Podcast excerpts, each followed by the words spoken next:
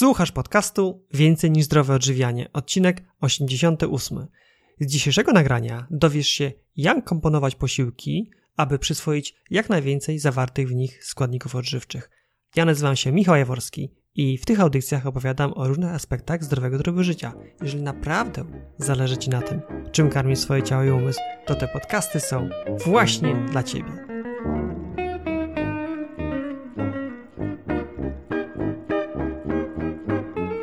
Cześć, witaj w 88 odcinku podcastu Więcej niż zdrowe odżywianie. Nie wiem jak u Ciebie, ale w moim przypadku jedną z największych niewiadomych, szczególnie gdy zaczynałem swoją przygodę ze zdrowym odżywianiem, było łączenie i komponowanie posiłków tak, aby mieć świadomość, że są one odpowiednio przyswajane przez mój organizm. Jest takie powiedzenie: jesteś tym, co jesz, albo nawet jesteś tym, co przyswajasz. W miarę zdobywania wiedzy i doświadczenia, z jednej strony staje się to prostsze, ale z drugiej, im dalej w las, tym ciemniej. Tym więcej zależności trzeba wziąć pod uwagę, zależności, które nierzadko są niestety ze sobą sprzeczne. No choćby ten często przytaczany przykład łączenia ogórka z pomidorem. Z jednej strony każdy wie, że warzywa powinny stanowić dominujący udział w naszej diecie. Jednak z drugiej strony Połączenie ogórka z pomidorem lub innym warzywem bogatym w witaminę C nie jest skazane z uwagi na zawartą w świeżym ogórku askorbinazę, enzym, który przyspiesza rozkład witaminy C. Czy to w takim razie oznacza, że takiego połączenia ogórka z pomidorem nie można bezwzględnie stosować? Można. Co z tego, że się utleni trochę witaminy C, skoro i tak część z niej przyswoimy, a poza tym, nie oszukujmy się, przy właściwie zbilansowanej diecie sałatka ogórkowo-pomidorowa nie powinna być jedynym źródłem witaminy C. Aby jednak dalej zgłębić ten temat, temat tzw. Tak biodostępności składników odżywczych, do rozmowy zaprosiłem Annę Fabisiak, doktora i wykładowcę akademickiego.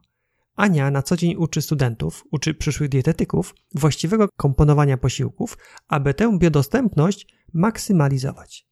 Ja jednak nie zamierzałem poprzestać jedynie na wiedzy akademickiej, na wiedzy teoretycznej i postanowiłem sobie za cel przełożenie jej na praktyczne przykłady. Podczas rozmowy kilkakrotnie zachęcałem Anię, aby zawiłości i zależności, o których mówi, przełożyć na praktyczne zastosowanie, na przykład w formie konkretnego posiłku, który z jednej strony będzie spójny z tymi zasadami, a z drugiej ładnie wyglądający i smaczny. Czy i na ile mi się to udało? Zobaczymy. Zapraszam do wysłuchania. Cześć Aniu, witam Cię serdecznie w moim podcaście. Witam serdecznie. E, ja się nazywam Ania Powisiak, jestem technologiem żywności i żywienia.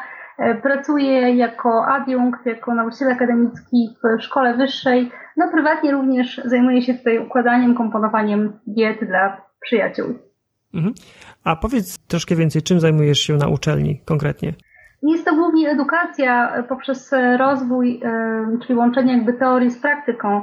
Tutaj są to studenci pierwszego, trzeciego roku studiów, e, to są studia niestacjonarne i stacjonarne na kierunku dietetyka, a więc e, staramy się tutaj uczyć studentów, w jaki sposób należy się odżywiać, jak, jak łączyć składniki odżywcze ze sobą, jak również komponować, układać diety, po to, by potem w przyszłości przyszłym zawodzie łatwiej im było odnaleźć się tutaj w, na rynku pracy i żeby też potrafili w sposób praktyczny um, uczulić przyszłego klienta, że ten sposób odżywiania wpływa również i na naszą e, na nasze dalsze życie, na, na rozwój i, i, i jakby na długość również tego życia.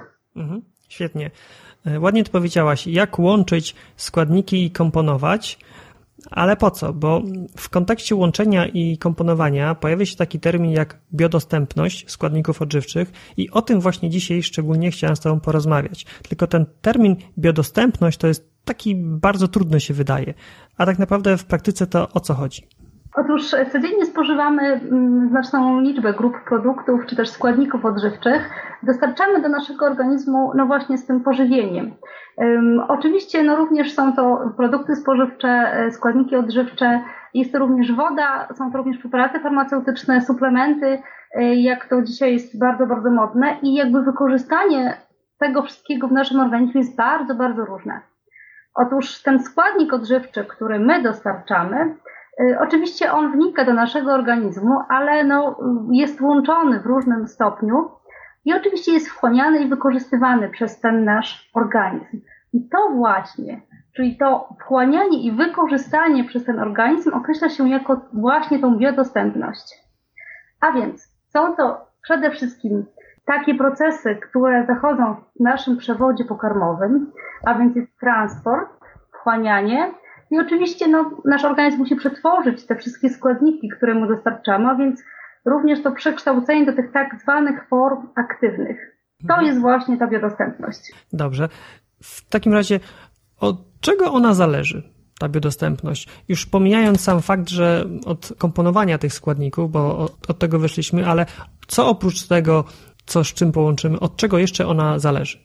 Przede wszystkim te składniki odżywcze, które i, i różnego rodzaju produkty, które dostarczamy, oczywiście one są bardzo, bardzo skomplikowane pod względem chemicznym.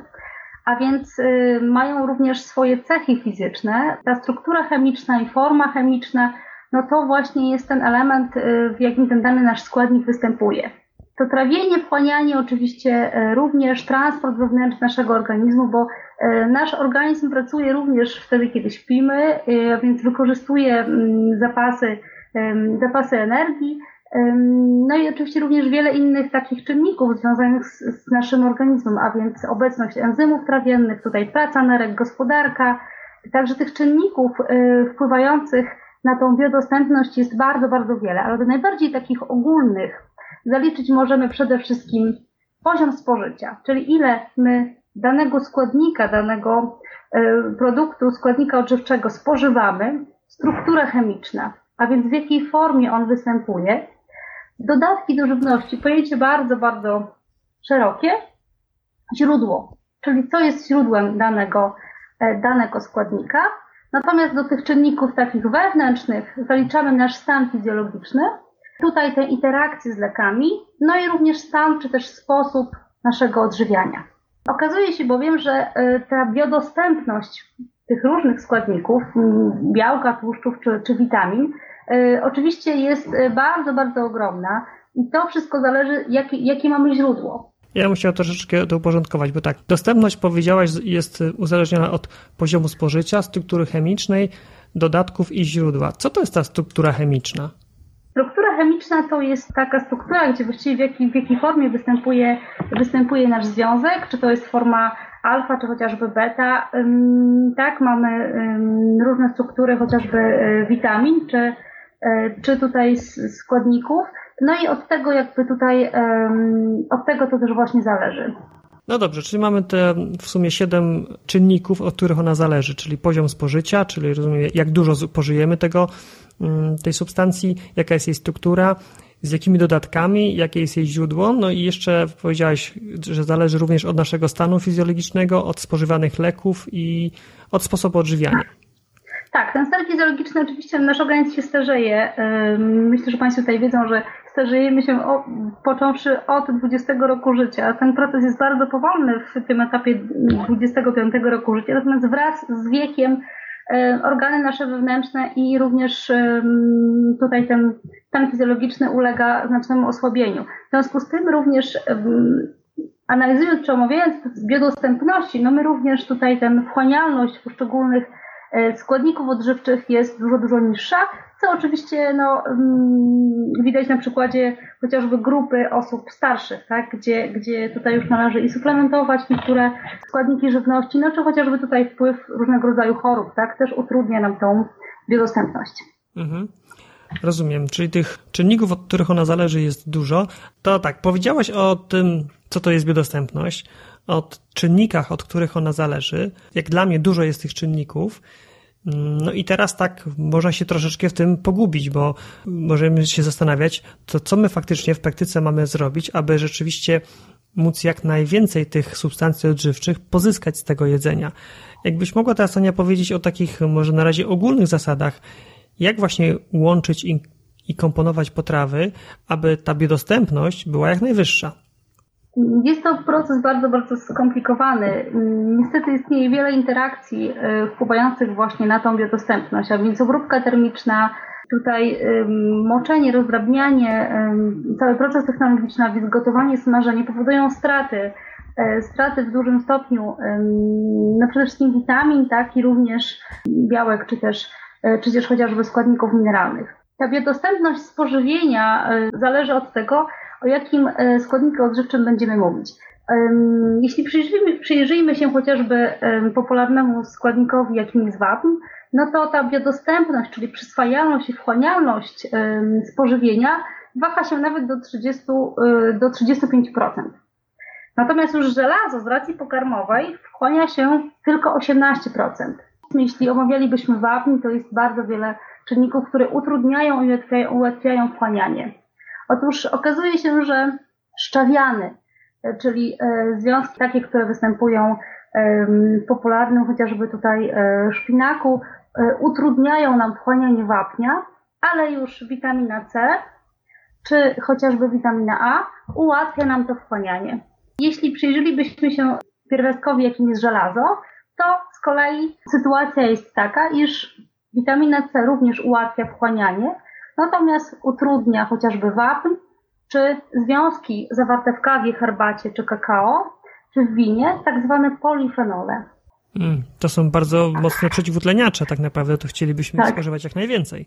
No właśnie, więc no tutaj te łączenia tych y, produktów ze sobą, komponowanie y, różnego rodzaju potraw i posiłków dnia codziennego, no troszkę się tutaj kłócą z tym biodostępnością, bo bardzo często kierujemy się przy przygotowywaniu różnego rodzaju potraw czy posiłków, czy, czy kolacji, no jakimś takim właśnie łączeniem, połączeniem smaku. Więc bardzo często, jeśli tutaj mówimy już o tym żelazie, więc powiedzmy biodostępność e, żelaza z, z kawałka mięsa, no, mm, będzie łatwiejsza, jeśli połączymy ten nasz posiłek z witaminą C, natomiast już dodatek powiedzmy do e, wołowiny czy wieprzowiny, lampki wina niestety utrudni nam to wchłanianie tego żelaza zawartego w mięsie. Czyli jak jemy mięsko, to najlepiej z czymś, co ma dużo witaminy C, czyli na przykład papryka, tak. pomidor, no generalnie warzywa. Tak, natomiast już no, nie łączymy tego chociażby właśnie z, z winem czy z, ze szpinakiem. Dobrze, a ta biodostępność żelaza z mięsa, czy to jest uzależnione od źródła żelaza, czy tak samo jest dla, dla źródeł roślinnych, jak i zwierzęcych? Nie, nie, tutaj mamy dużą różnicę, ponieważ biodostępność, jeśli chodzi o żelazo, z tej racji pokarmowej jest w ogóle wysoka, bo to jest tylko 18%, więc no, tutaj trzeba zwrócić uwagę na to, jaki to jest, jakie to jest źródło pochodzenia. Otóż z produktów zwierzęcych y, tutaj ta biodostępność żelaza może wynosić nawet do 20%. Natomiast z produktów pochodzenia roślinnego tylko 5%, więc chodzi głównie o to, że mm, potrzebne jest nam tak zwane żelazo, y, które występuje w postaci chemowej. Cóż to oznacza? To jest takie, które występuje nam w, w krwinkach, a więc mm, głównie tutaj chodzi przede wszystkim o spożycie ryb, spożycie mięsa. Natomiast no tutaj te, te produkty roślinne no będą miały dużo, dużo niższe. Mówi się oczywiście o tym tak, że, że mm, jedzmy wątróbkę, będzie, jest dużo żelaza w wątróbce. Oczywiście e, to też jakiś taki e, mit, który gdzieś tam nam się wkradł, takie, takie poczucie świadomości, E, społeczeństwie. Oczywiście przecież tej wątróbki no, nie spożywamy, tak? Nie wiadomo ile, żeby mówić tutaj o dobrej, o dobrej biodostępności. A więc bardzo ważne w przypadku żelaza jest to, jakie mamy źródło pochodzenia. Czyli zwróćmy uwagę, jaki to jest rodzaj mięsa i spożywajmy ryby. Mm, no dobrze, tylko jak tak mówisz, że z mięsa to jest wchłanialność 20%, a z roślin 5%, to brzmi to tak trochę dramatycznie i zaraz myślę sobie o wegetarianach, którzy nie jedzą w ogóle mięsa przez całe życie i, i w większości przypadków mają się świetnie, na pewno nie gorzej niż osoby, które jedzą mięso, więc jak to możliwe? Tutaj jeśli chodzi o żelazo, tak, to jeszcze mamy tutaj um, tak zwane fosforany, tak, które są w żołądku jaj, które też utrudniają właśnie wchłanianie tego żelaza. Natomiast w przypadku osób niespożywających mięsa, no oczywiście tutaj mamy mm, znaczną liczbę czy grupę związków strączkowych, natomiast no, większość osób e, będących e, na dietach roślinnych no, suplementuje e, również żelazo. Mm. Okej, okay. akurat te osoby, które ja znam, to nie suplementują no ale może inne to robią. Natomiast jeśli chodzi o żelazo i ta, tą dostępność z roślin i z, z pokarmów pochodzenia zwierzęcego, to czytałem, tylko już nie pamiętam w tej chwili gdzie, natomiast tam było napisane, że rzeczywiście dostępność żelaza, przyswajalność żelaza z mięsa jest dużo większa, natomiast w przypadku jedzenia mięsa może się okazać, że organizm przyswoi tego żelaza za dużo, co nie ma miejsca w sytuacji, gdy spożywamy pokarmy roślinne, bo wtedy organizm bierze, pobiera tego żelaza tylko tyle, ile potrzebuje. Nie wiem, czy ty z, taką, z czymś takim się spotkałaś? Nie, nie spotkałam się, nie, nie, nie słyszałam nigdy o takich badaniach. Y, myślę, że tutaj też no, należy, należy zwrócić uwagę na to, y, jaki to jest rodzaj mięsa, jaki jest jego źródło pochodzenia. No w tej chwili bardzo istnieje moda tak na te produkty ekologiczne.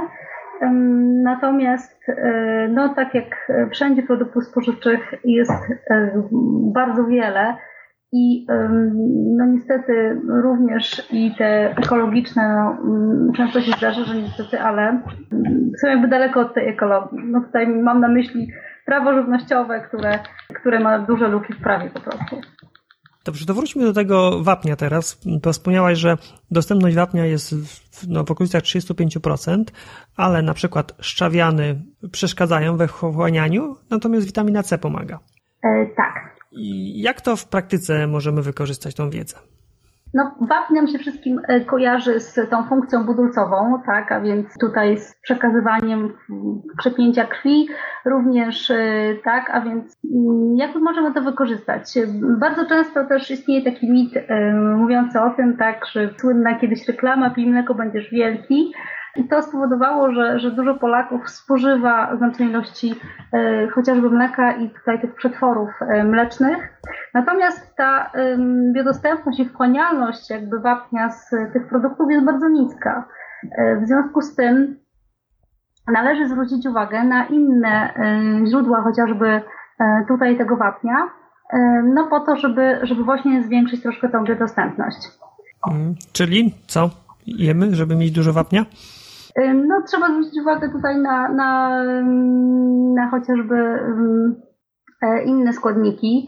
No takie, które jakby nie są, ja tutaj nie chciałabym jakoś, bo są oczywiście zwolennicy i przeciwnicy spożywania mleka, produktów mlecznych.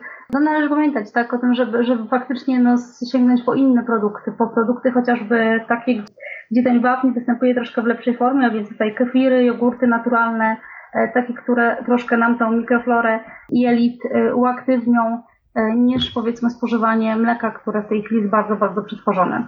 Mhm. A co byś poleciła osobom, które nie spożywają produktów odzwierzęcych? No myślę, że tutaj należy zwrócić uwagę na, na, na, produkty tutaj pochodzenia roślinnego, tak, a więc sojowe produkty. Faktycznie tutaj ten rynek tych produktów jest bardzo, bardzo szeroki.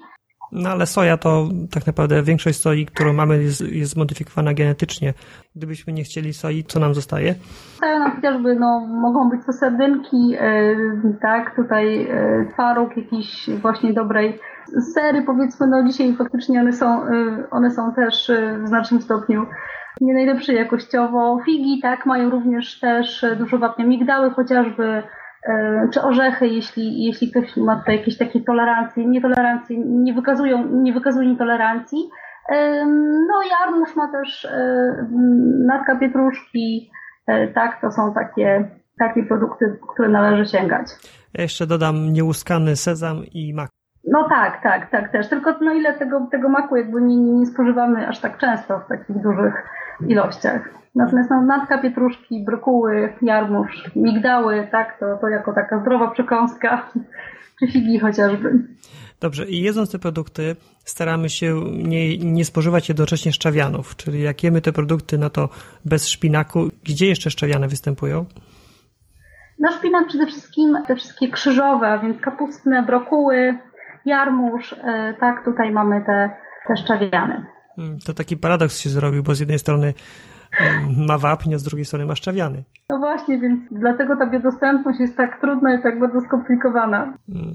Ja tak się trochę zastanawiam, tak trochę wybiegając z boku, czy by po prostu sobie nie, nie stwarzamy sztucznych problemów, bo jednak ludzie od setek tysięcy lat spożywali te produkty, nie wiedząc o tych y, różnych zależnościach i, i szło im całkiem dobrze. A teraz się nagle okazuje, że nie ma co zjeść, nie ma co z czym połączyć, tak jakby tak się sztywno trzymać tych y, zaleceń, nie ma czego z czym połączyć, żeby można było przyswoić odpowiednią ilość składników odżywczych. Tak jak wspomniałeś, jest to bardzo, bardzo skomplikowane. Trzeba pamiętać i jakby mieć na uwadze mm, dwie rzeczy.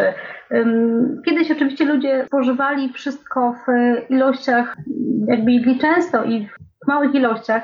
To jest jedna, jedna rzecz, a druga e, to właściwie od czego my troszkę odeszliśmy, mm, mając e, dostępność różnego rodzaju produktów, czy też składników, e, surowców pochodzenia roślinnego, też zwierzęcego. Kiedyś faktycznie jadano to, co było w danej porze roku. Jeśli był sezon na kapustę kiszoną, ogórki kiszone, to faktycznie spożywaliśmy to sezonowo. Dzisiaj rzodkiewkę można dostać właściwie, nie ma już właściwie czegoś takiego jak powiedzmy sezonowość, albo jest to w znikomych ilościach. E, I my faktycznie spożywamy znaczne ilości mięsa. Dzisiaj faktycznie większość osób no, na, to, na to przysłowiowe śniadanie spożywa, e, jest to forma powiedzmy kanapki, gdzie jest zawsze szynka, ser, pomidor, albo no, w różnych takich kompozycjach na obiad, mm, tak, no jest jakaś tam porcja mięsa nie raz w tygodniu, tylko e, dużo, dużo częściej. No i jakość tych wyrobów, niestety dzisiaj mamy różnorodność tych składników i produktów ym, dostępnych na rynku, natomiast nie idzie to w parze z jakością, zmieniamy opakowanie, natomiast zawartość e, tego niekoniecznie odpowiada tej zdrowotności e, i tego, co mamy na opakowaniu. No to ciekawa rzecz powiedziałaś, bo co do jakości, to jakby to nikt nie ma wątpliwości, że te produkty spożywcze obecnie dostępne, no szczególnie te takie najtańsze z marketów, no to mają tą jakość taką nieszczególną. Natomiast zaciekawiło mnie to, że wspomniałaś o tym, iż mm, kiedyś ludzie jadali sezonowo, a teraz nie jedzą, to też wiemy, tylko nie wiem, co to ma wspólnego z biodostępnością składników odżywczych. Chodziło mi o to, że tak jak wspomniałeś, jakby no nie zaśmiecamy e, tego naszego zaśmiecamy właściwie dzisiaj ten nasz organizm nie mamy wpływu na to, co nam rynek dostarcza, e, bo sery czy wędliny nie mamy wpływu na to, w jaki sposób e, ta technologia się tworzy, jak powstaje gotowy produkt. Natomiast ta przyswajalność pewnie była łatwiejsza, bo była prostsza. Jedliśmy sezonowo, jedliśmy to, co mieliśmy, jakby co wyhodowaliśmy również na swoich na swoich polach, w swoich uprawach, więc myślę, że tutaj o takim połączeniu jakby zawartości poszczególnych składników odżywczych w surowcach, tak, roślinnych czy też e, pochodzenia zwierzęcego. I myślę, że ta przyswajalność, a więc biodostępność tego pożywienia, no prawdopodobnie też była wyższa. Mm, to czy ja dobrze rozumiem, że idąc tym tropem, lepiej jest jadać prostsze posiłki składające się z mniejszej ilości składników, po to, żeby w efekcie więcej tych składników odżywczych wchłonąć? Dobrze to rozumiem? Tak, tak jest moje zdanie, aczkolwiek tak jak wspomniałam tutaj, tych, różnorodność tych produktów i, i, i cały marketing y, i jakby ten rynek y, również y, jest bardzo, bardzo rozbudowany. Troszkę odeszliśmy od naszych, naszych dobra jakby takiego, które jakby no tutaj jest cechą charakterystyczną dla tego, dla naszego miejsca, jak gdyby dla Polski, a więc właśnie owoce, warzywa, kasze, korzystajmy z, chociażby z buraczka czerwonego czy z marchewki i, i nie bójmy się korzystać chociażby z nasion lnu, tak, zamiast nasion chia, które no, gdzieś tam ten, gdzieś tam jakby widać przepływ tego marketingu, tak, tutaj. Mhm to, co mówisz, jest spójne z tym, co ja uważam, że właśnie powinniśmy bazować na tych naszych rodzimych produktach, bo to wspomniałaś słusznie o nasionach lnu, ale mamy też aronię, która jest e, świetnym odpowiednikiem e, jagód goi, albo wiśnie, które są dobrym odpowiednikiem granatów, bardzo Granatów, popularnych. Tak. tak, więc tutaj ta, ta, myślę właśnie o tym, żebyśmy próbowali e, właśnie korzystać z, z tych dóbr, no, które mamy jak gdyby u nas. Mając na uwadze również tą, tą biodostępność i właściwie jak gdyby połączenie, tak? Więc no istnieje kilka takich y, mitów i najczęściej jakieś tam popełniane błędy, które, które gdzieś tam nam się w świadomości utrwaliły, jak chociażby no tutaj połączenie pomidora, ogórka świeżego i papryki.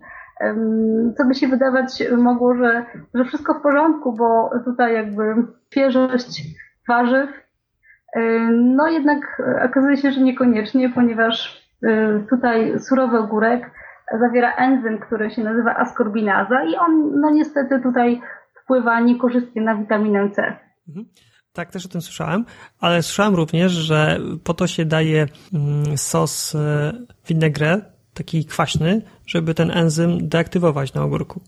No, enzym ten jest bardzo, bardzo jednym z, z enzymów, które rozkładają się bardzo szybko, więc no, połączenie chociażby tutaj z, z olejem no, nie jest najbardziej korzystne. No ale właśnie z czymś kwaśnym, z octem. Czy ocet nie, zabi nie, nie zabija tego enzymu? Mm, nie, ocet nie. Ale w kwaśnych ogórkach go już nie ma. W kwaśnych ogórkach już go nie ma i, i jak najbardziej takie połączenie jest no, korzystne, tak? Więc pomidory, i ogórki kiszone. Mhm. Dobrze. Jak najbardziej. To jest ten pierwszy mit, czyli ogórki, które y, niszczą witaminę C. A jakie inne jeszcze mity, które, albo takie połączenia, które wydają nam się oczywiste, że są dobre, a wcale takie nie są? Jakie takie połączenia jeszcze często funkcjonują? Często też y, no, spożywamy herbatę, czy pijemy herbatę w połączeniu z cytryną. Tutaj chodzi głównie o związki, które się tworzą w tak zwane cytrynian glinu. Bowiem listki herbaty zawierają tego glinu stosunkowo no, dużo. E, I oczywiście on występuje w takiej formie, która nie jest przyswajalna dla naszego organizmu. No i już jeśli do, do tej herbaty dodamy sok cytryny, no to ta forma nieprzyswajalna zmienia nam się w taki wchłanialny cytrynian glinu, i on niestety odkłada nam się w tych komórkach naszych. Więc zaleca się, oczywiście to może być jakiś tam powód chorób, więc zaleca się, aby ten napar herbaty, czy też torebkę herbaty przed dodaniem soku z cytryny wyjąć. Tak, bo ten y, cytrynian glinu jest, tak jak powiedziałaś, w listkach herbaty, więc jak te listki herbaty wyjmiemy, to już do tego naparu, który został, można dodać spokojnie cytrynę. Tak, to mniej więcej ta, ta rozbieżność y, podaje się, że ten procentowy udział jest dosyć taki szeroki, bo to jest od 10 do 40 y, chyba procent tego, co ja tam dobrze pamiętam, więc no tutaj faktycznie no, znalazłam badań mówiących o tym, jakie, jakie liście herbaty konkretnie mają, bo, bo właściwie spożywamy często mieszanki, y, więc no ale należy, należy też jakby na to zwrócić uwagę. Mhm. Kolejne takie połączenie śniadaniowo-kolacyjne, więc ser biały i pomidor też y, tutaj głównie chodzi o ten wapń, bowiem tutaj tworzą się takie nierozpuszczalne kryształki, tak, które mogą tutaj również no, powodować y, jakieś tam mm, bóle, czy też, no może nie zwrotnie, bo to zbyt dużo powiedziane, ale ten kwasy strnowy, jabłkowy, no tutaj mogą się łączyć z tym wapniem, który zawarty jest w serze i mm, no i to też nie jest korzystne połączenie. I jeszcze taki może jeden przykład, jak tutaj wspominaliśmy o tych warzywach krzyżowych, a więc bukselka, brokuły, kalafior i kapusta. Bardzo często y, łączymy je z różnego rodzaju rybami morskimi. No tutaj też nie jest to korzystne połączenie, y, bo y, no tutaj mamy ograniczenie wchłaniania e, jodu chociażby i kwasów omega-3. A co takiego jest w warzywach krzyżowych, że one ograniczają wchłanianie jodu i kwasów omega-3? Zawierają substancje, um, goitrogeny się nazywają, i one właśnie tutaj um, utrudniają nam to wchłanianie um, tego jodu z, z ryb. Mhm. A co z kiszoną kapustą? Kiszona kapusta to jest y, jeden z, z takiego dobrodziejstw y, naszych polskich, który nie jest do końca doceniany. Y, wspaniałe źródło oczywiście witaminy C i takich substancji, które powodują również swego rodzaju oczyszczanie naszego organizmu, taki troszkę odbudowują naszą florę bakteryjną, jelitową, więc ten sok z ogórków czy też z kapusty kiszonej zalecany jak najbardziej. Dobre źródło witaminy C, wchłanialność, właśnie ta biodostępność z kapusty kiszonej e, jest, no wydaje mi się, że dosyć duża. No dobrze, tylko kapusta kiszona też jest warzywem krzyżowym i czy ona również posiada tą substancję, która powstrzymuje wchłanianie jodu i kwasów omega-3? E, nie, nie, mówiłam, myślę tutaj o kapuście e, świeżej, tak? Więc ta kapusta kiszona, wszystkie kisz, kiszone produkty już tutaj no to ograniczenie wchłaniania e, nie mają. A, świetne. Dobra wiadomość, no bo kiszona kapusta świetnie komponuje się z rybą. Tak. Dobrze. Przeszliśmy płynnie od tych mitów, które mm, powszechnie funkcjonują, a niekoniecznie dobrze wpływają na biodostępność, czyli powiedziałaś o ogórku plus pomidor i papryka, herbata i cytryna, mm, ser biały i pomidor, no i warzywa krzyżowe i, i ryby. Chociaż jak warzywa krzyżowe są kiszone, no to już nie mają tych substancji przeciwdziałających wchłanianiu mm, jodu i omega-3. Tak, tak, tak. Czyli możemy już spokojnie spożywać. Przejdźmy do takich połączeń, które właśnie są jak najbardziej wskazane to już powiedzieliśmy, że na przykład kapusta kiszona z, z rybami jest, jest w porządku. A jakie jeszcze połączenia można polecić jako takie dzięki którym ta biodostępność będzie większa?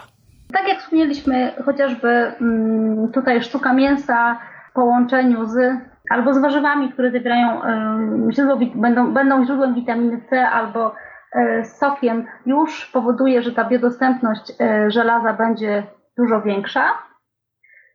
Mm, natomiast no, nie popijajmy powiedzmy kawałka mięsa e, lampką wina, czy, e, czy nie, nie spożywajmy bezpośrednio po posiłku kawy czy herbaty. No właśnie, a co to znaczy bezpośrednio po posiłku? Ile czasu powinniśmy odczekać, aby nie zaburzyć tego procesu wchłaniania żelaza? Takich badań e, nie ma, ale mm, przyjęło się mówić, e, mówić, mówić e, bardzo ogólnie, iż no, nie powinno się popijać pomiędzy posiłkami, gdyż no, tutaj wprowadzamy zaburzenie do naszego układu pokarmowego. Zaleca się, aby popijać płyny dwie godziny po posiłku albo pół godziny przed, przed posiłkiem. Dobrze, to mamy pierwszy duet. Mięso plus warzywa z witaminą C. Co jeszcze? E, co jeszcze? Jeśli chodzi o wapń, e, tak, to tutaj e, możemy również połączyć składnik, czy powiedzmy jakieś tutaj produkty bogate w witaminę C i wapń, to też nam ułatwi jego wchłanianie. Natomiast no, nie spożywajmy produktu czy też składnika wapniowego razem z produktami zbożowymi, czy chociażby e, wspomnianymi wcześniej szczawianami. Mhm. A w produktach zbożowych co takiego jest, że one przeciwdziałają wchłanianiu wapnia? E, mają tak zwane kwasy uronowe, które e, no tutaj, tutaj nam utrudniają to wchłanianie tego wapnia. Jest taki związki w produktach zbożowych. Więc no, kolejny jakiś taki właśnie mit, który też jakoś tam króluje przy spożywaniu śniadań, tak, więc spożywamy bardzo często produkty zbożowe razem z jogurtem chociażby, czy spożywamy płatki na mleku. Utrudniamy wchłanianie wapnia. To teraz szybciutko poproszę o skomponowanie posiłku, który będzie bombą, jeśli chodzi o ilość wapnia i będzie się świetnie przyswajał. To w takim razie chciałabym tutaj zaproponować e, Państwu przykład posiłku, który jednocześnie będzie miał i e, dobry dobry układ y, połączeń wapnia i żelaza. Więc zaproponowałabym tutaj jako przykład posiłku sztukę mięsa, który jest dobrym źródłem właśnie żelaza. Tutaj jeśli chodzi o, o wapń, to mielibyśmy tego fasolkę szparagową żeby tutaj ułatwić troszkę wchłanianie wapnia, więc wybrałabym produkt, który jest bogaty w witaminę C, a więc E, na przykład e, wspomnianą wcześniej kapustę kiszoną, e, którą można również połączyć z papryką czerwoną czy też żółtą i wtedy mamy taki, taką kompozycję składników, które jednocześnie i ułatwiają nam tutaj wchłanialność wapnia i jednocześnie żelaza. Super. A co jeżeli ktoś nie jada mięsa? Czy można zastąpić mięso w takim posiłku, aby również dostarczyć odpowiednią ilość żelaza? Ten sam posiłek można również skomponować e, dla osób, które nie spożywają mięsa, e, zamieniając e, właśnie tą sztukę mięsa na kaszę gryczaną, która jest dość dobrym składnikiem miedzi, który też właśnie wpływa na biodostępność, czyli ułatwia nam wchłanianie żelaza. No i super. Czyli mamy już praktyczne zastosowanie tej jakże skomplikowanej wiedzy teoretycznej. Dobrze, że udaje się takie praktyczne kompozycje znaleźć. Natomiast myśląc o komponowaniu, to też z tyłu głowy mam taki termin jak dieta rozdzielna, w której to mm, mówi się o niełączeniu pewnych grup pokarmowych, y, w szczególności makroskładników. Na przykład jednym z najczęstszych y, tematów, które właśnie się pojawiają w kontekście diety rozdzielnej, to jest łączenie mm, białka i węglowodanów. Czy ty spotkałaś się właśnie z, taką, z takimi zaleceniami i jakie jest twoje zdanie na ten temat? Tak, oczywiście, ponieważ yy, podstawowe składniki odżywcze, a więc białka, tłuszcze i węglowodany, no wchłaniają się w naszym yy, organizmie, w naszym przewodzie pokarmowym na różnych odcinkach, na różnych etapach tego przewodu pokarmowego. Bardzo często e, przy spożywaniu tradycyjnego posiłku polskiego, czy obiadu też posiłku, a więc ziemniaków, kotleta i surówki jakiejś, jakiejkolwiek, no okazuje się, że często po takim obfitym posiłku jesteśmy senni i bardzo często odczuwamy tak zwaną zgagę, czy też no tutaj mm, nadkwaśność żołądka.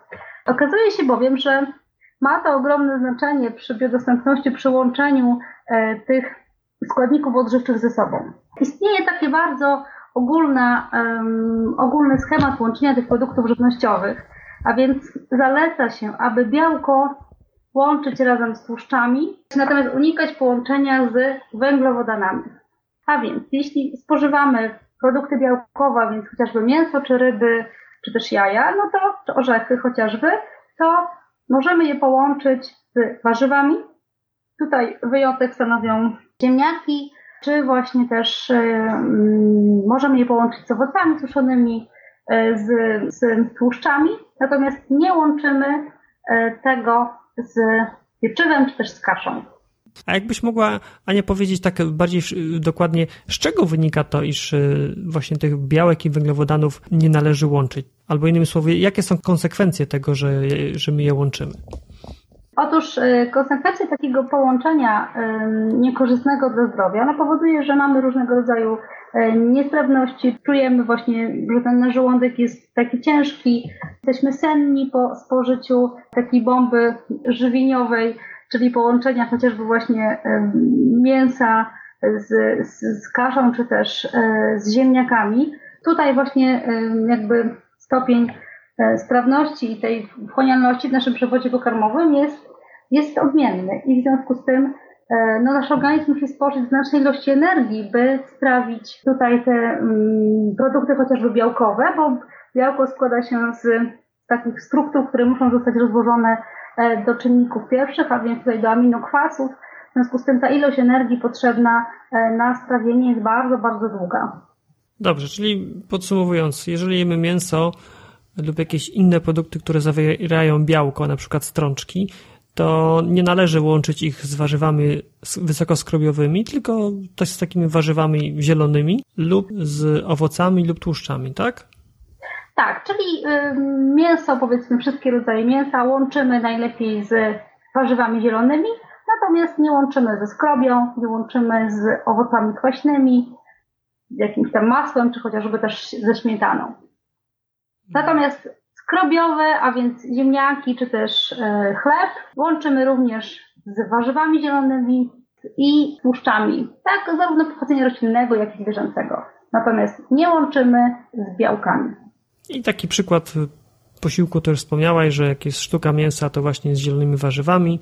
Ewentualnie jak ktoś nie jada mięsa, to pewnie też w tym przypadku może mięso zamienić na przykład na kaszę gryczaną. Tak, no kasze są w ogóle dobrym źródłem, więc takie połączenie też, e, też e, będzie wskazane również z zielonymi warzywami. Mhm. Jeszcze mam taki temat, który chciałem poruszyć. Już troszeczkę o nim powiedziałaś na początku. To, że proces obróbki, moczenie, podgrzewanie, on wpływa na biodostępność składników odżywczych.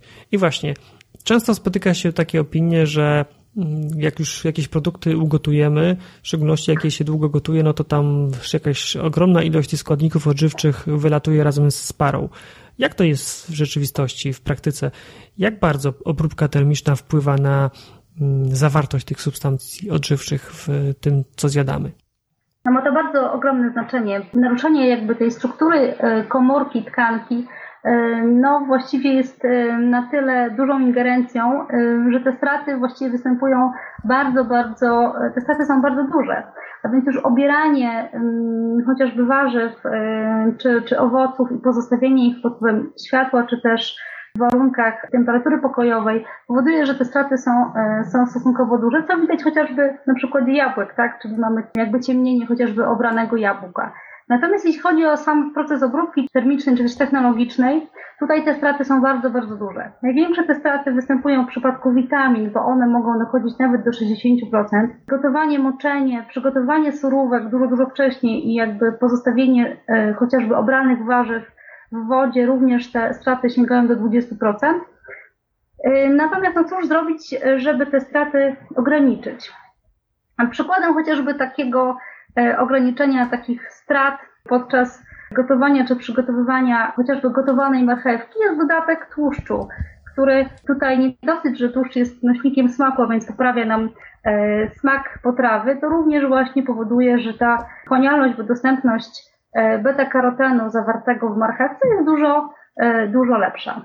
Jeśli chodzi o przygotowanie chociażby sztuki mięsa, czy, czy obróbkę taką technologiczną jak smażenie, pieczenie, również czas e, jest bardzo ważny. Istnieje taka mm, niepisana również zasada, że jakby tyle ile ma e, sztuka mięsa, tyle powinien trwać czas pieczenia, czyli jeśli mamy kilogram mięsa, to wówczas godzina pieczenia czy też duszenia. No proces tutaj smażenia, więc działania wysokich temperatur, oczywiście jest to ma korzystne i negatywne Tutaj e, wydźwięk pozytywny oczywiście jest nośnikiem smaku, natomiast negatywny te straty są dosyć duże, bo nawet do 60% jeśli chodzi o e, składniki odżywcze zawarte w mięsie. To jeśli chodzi o obróbkę termiczną, na przykład tego mięsa, to jaki rodzaj obróbki najmniej wpływa na zawartość tych składników odżywczych? Oczywiście tutaj proces takiego duszenia, czy też no właśnie gotowania na parze, e, te straty są dużo, dużo, dużo, dużo mniejsze. No i takie powiedzmy tutaj czynności, y, jak chociażby no właśnie gotowanie, zalewanie ziemniaków zimną wodą, tak, a nie gorącą. E, też straty tej witaminy C są troszkę mniejsze. Poczekaj, poczekaj. Czyli obieramy ziemniaki i zalewamy je zimną, a nie gorącą, to wtedy jest lepiej? Troszkę, troszkę, troszkę to jest mniej, tak? Troszkę mniej jest tych strat. Natomiast no, gotowanie właśnie na parze e, tak e, powoduje, że również zachowujemy barwniki odpowiedzialne czy za barwę powiedzmy tych naszych warzyw, jak chociażby właśnie tych korzeniowych czy, czy krzyżowych. No i te straty są, są dużo mniejsze. Dobrze, czyli z obróbki termicznej no to najlepiej wypada duszenie i gotowanie na parze. A powiedz, czy mrożenie też wpływa na dostępność tych składników odżywczych? Mrożenie jest takim procesem, który wstrzymuje nam trochę ten proces e, strat, e, natomiast nie niweluje go całkowicie. Niskie temperatury powodują, że pewne procesy i działalność niektórych e, enzymów zostaje zmniejszona, natomiast jakby te enzymy oczywiście działają. No też nie, nie, nie mrozimy, nie przechowujemy tych jakby sztuki mięsa, czy też E, czy też e, no, warzyw e, zbyt długo, bo ten proces jak gdyby cały czas zachodzi. Natomiast no, nie należy rozmrażać i ponownie zamrażać produktów, tak, gdyż tutaj no, mikrobiologiczny aspekt jest bardzo ważny. No właśnie, bo co się dzieje, jeżeli rozmrozimy, a potem ponownie zamrozimy? Pierwszym takim mm, zjawiskiem, który jest widzialny gołym okiem, to jest tak zwana ususzka E, czyli jakby ponowne tworzenie się kryształów lodu. Bardzo często, jeśli kupuje, kupujecie Państwo produkty mrożone, które e, gdzieś potem otwieramy, okazuje się, że te kawałki chociażby warzyw, no, mają e, taką bryłę lodu wokół, wokół, wokół swojej jak gdyby osi. To powoduje, że albo właśnie produkt był rozmrożony i ponownie zamrożony, albo były złe warunki jakby samego procesu mrożenia, czyli był to etap zbyt wolny i wtedy te kryształy lodu osadzają nam się na e, powierzchni surowca, no powodując również ten efekt taki no nieestetyczny. Mi to się kojarzy z glazurą na rybach mrożonych. Czy to jest to? tak, tak, to też mniej więcej jest to, więc właśnie też taka potem jakby ten wyciek soku komórkowego jest dużo większy w przypadku ryb, tak, bo, bo tej ilości wody po rozmrożeniu jest dużo, dużo więcej. No to też jest wykorzystywane, no, ma to jakiś element również i marketingowy, bo to chodzi o wagę, tak, też. Wtedy te produkty mrożone są cięższe. No tak, połowa tego produktu. No tak, bo jeśli, jeśli tutaj zawierają duże ilości lodu, tak, w postaci zamrożonej. Czyli jak kupuję warzywa i one mają taką otoczkę z, z lodu, to mogę podejrzewać, że one były rozmrożone i ponownie zamrożone? Tak, jest, duża, jest duże prawdopodobieństwo, że właśnie albo właśnie no, w przypadku tych supermarketów no, często właśnie klienci nie domykają lodówek, tak, w związku z tym ten dopływ powietrza z zewnątrz jest e, wysoki i, i też ten efekt rozmnożenia może mieć miejsce. Dobrze, Aniu, powoli zbliżamy się do końca naszego nagrania. Bardzo dużo ciekawej wiedzy.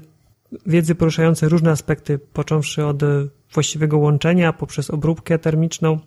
Jakbyś mogła teraz podsumować tę naszą rozmowę, na co nasi słuchacze powinni zwracać uwagę, jeśli chodzi o przygotowywanie, łączenie i komponowanie posiłków, aby ta biodostępność, o której tyle dzisiaj mówiliśmy, składników odżywczych była jak najwyższa. Chciałabym, żeby Państwo tutaj zapamiętali jedną rzecz, o której wspominaliśmy wcześniej, o e, takim właśnie próbie właściwego łączenia e, składników odżywczych ze sobą. A więc, tak jak wspominaliśmy, białko można łączyć z tłuszczami, natomiast nie łączymy tego z węglowodanami. Chciałabym, żeby Państwo też e, zwrócili uwagę na sposób obróbki cieplnej, obróbki termicznej, przygotowywanie wcześniejsze surówek nie jest wskazane. Następuje właśnie ten wyciek z soku komórkowego i straty chociażby witamin są dużo, dużo większe. Postarajmy się przygotowywać w taki sposób e, nasze posiłki, aby te straty składników odżywczych były jak najmniejsze, więc zwróćmy uwagę na proces obróbki. Tutaj raczej e, należy zaproponować proces gotowania na parze, czy też e, duszenia, niż proces smażenia, gdzie straty tych składników odżywczych mogą dochodzić nawet do 60% i strawność, czyli dostępność jest również dużo, dużo niższa. Super, bardzo dziękuję za to podsumowanie.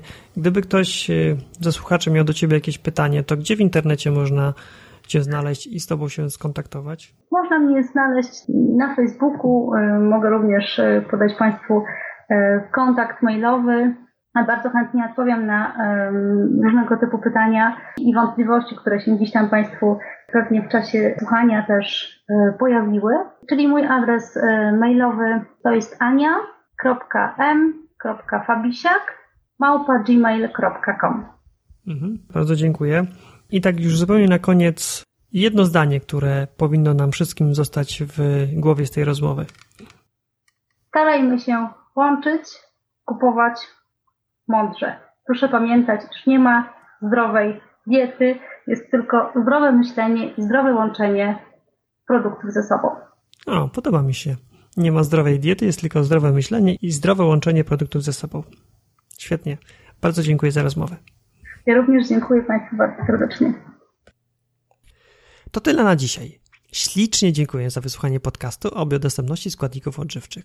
Jeżeli jeszcze nie słyszałaś, nie słyszałeś, to uprzejmie donoszę, że zaczęliśmy z Tatianą pracę nad naszą pierwszą książką o zdrowym odżywianiu. Specjalnie na tę okoliczność, na czas jej tworzenia i wydawania stworzyliśmy grupę na Facebooku, gdzie relacjonujemy kulisy powstawania naszej książki. W dniu, gdy nagrywam ten podcast, na grupie jest już ponad 250 bardzo aktywnych osób, wspólnie z którymi stworzyliśmy już spis zagadnień, spis treści tej książki. Lista tematów jest bardzo, bardzo długa i z dnia na dzień jeszcze bardziej puchnie. Jeżeli i ty chcesz mieć realny wpływ na to, co w tej książce finalnie się znajdzie, to zapraszam do dołączenia. Grupa nazywa się Więcej niż zdrowe odżywianie, myślnik kulisy książki. Osoby w tej grupie są, tak jak wspomniałem, bardzo aktywne i już teraz widzę, że ilość zagadnień, które zostały przez Was zgłoszone, nie zmieści się w jednej książce. Tak więc przed nami bardzo pracowity okres. No ale to dobrze, bo dzięki temu mam nadzieję powstanie dzieło, które w jednym miejscu skupi kwintesencję naszej wiedzy, doświadczenia i najskuteczniejszych praktyk wdrażania zdrowego odżywiania. Przypomnę nazwę grupy Więcej niż zdrowe odżywianie, kulisy, książki. Serdecznie zapraszam. Na dzisiaj to już wszystko. Jeżeli jeszcze tego nie zrobiłaś, nie zrobiłeś, to będę Ci bardzo wdzięczny za pozostawienie krótkiej recenzji i oceny w systemie iTunes.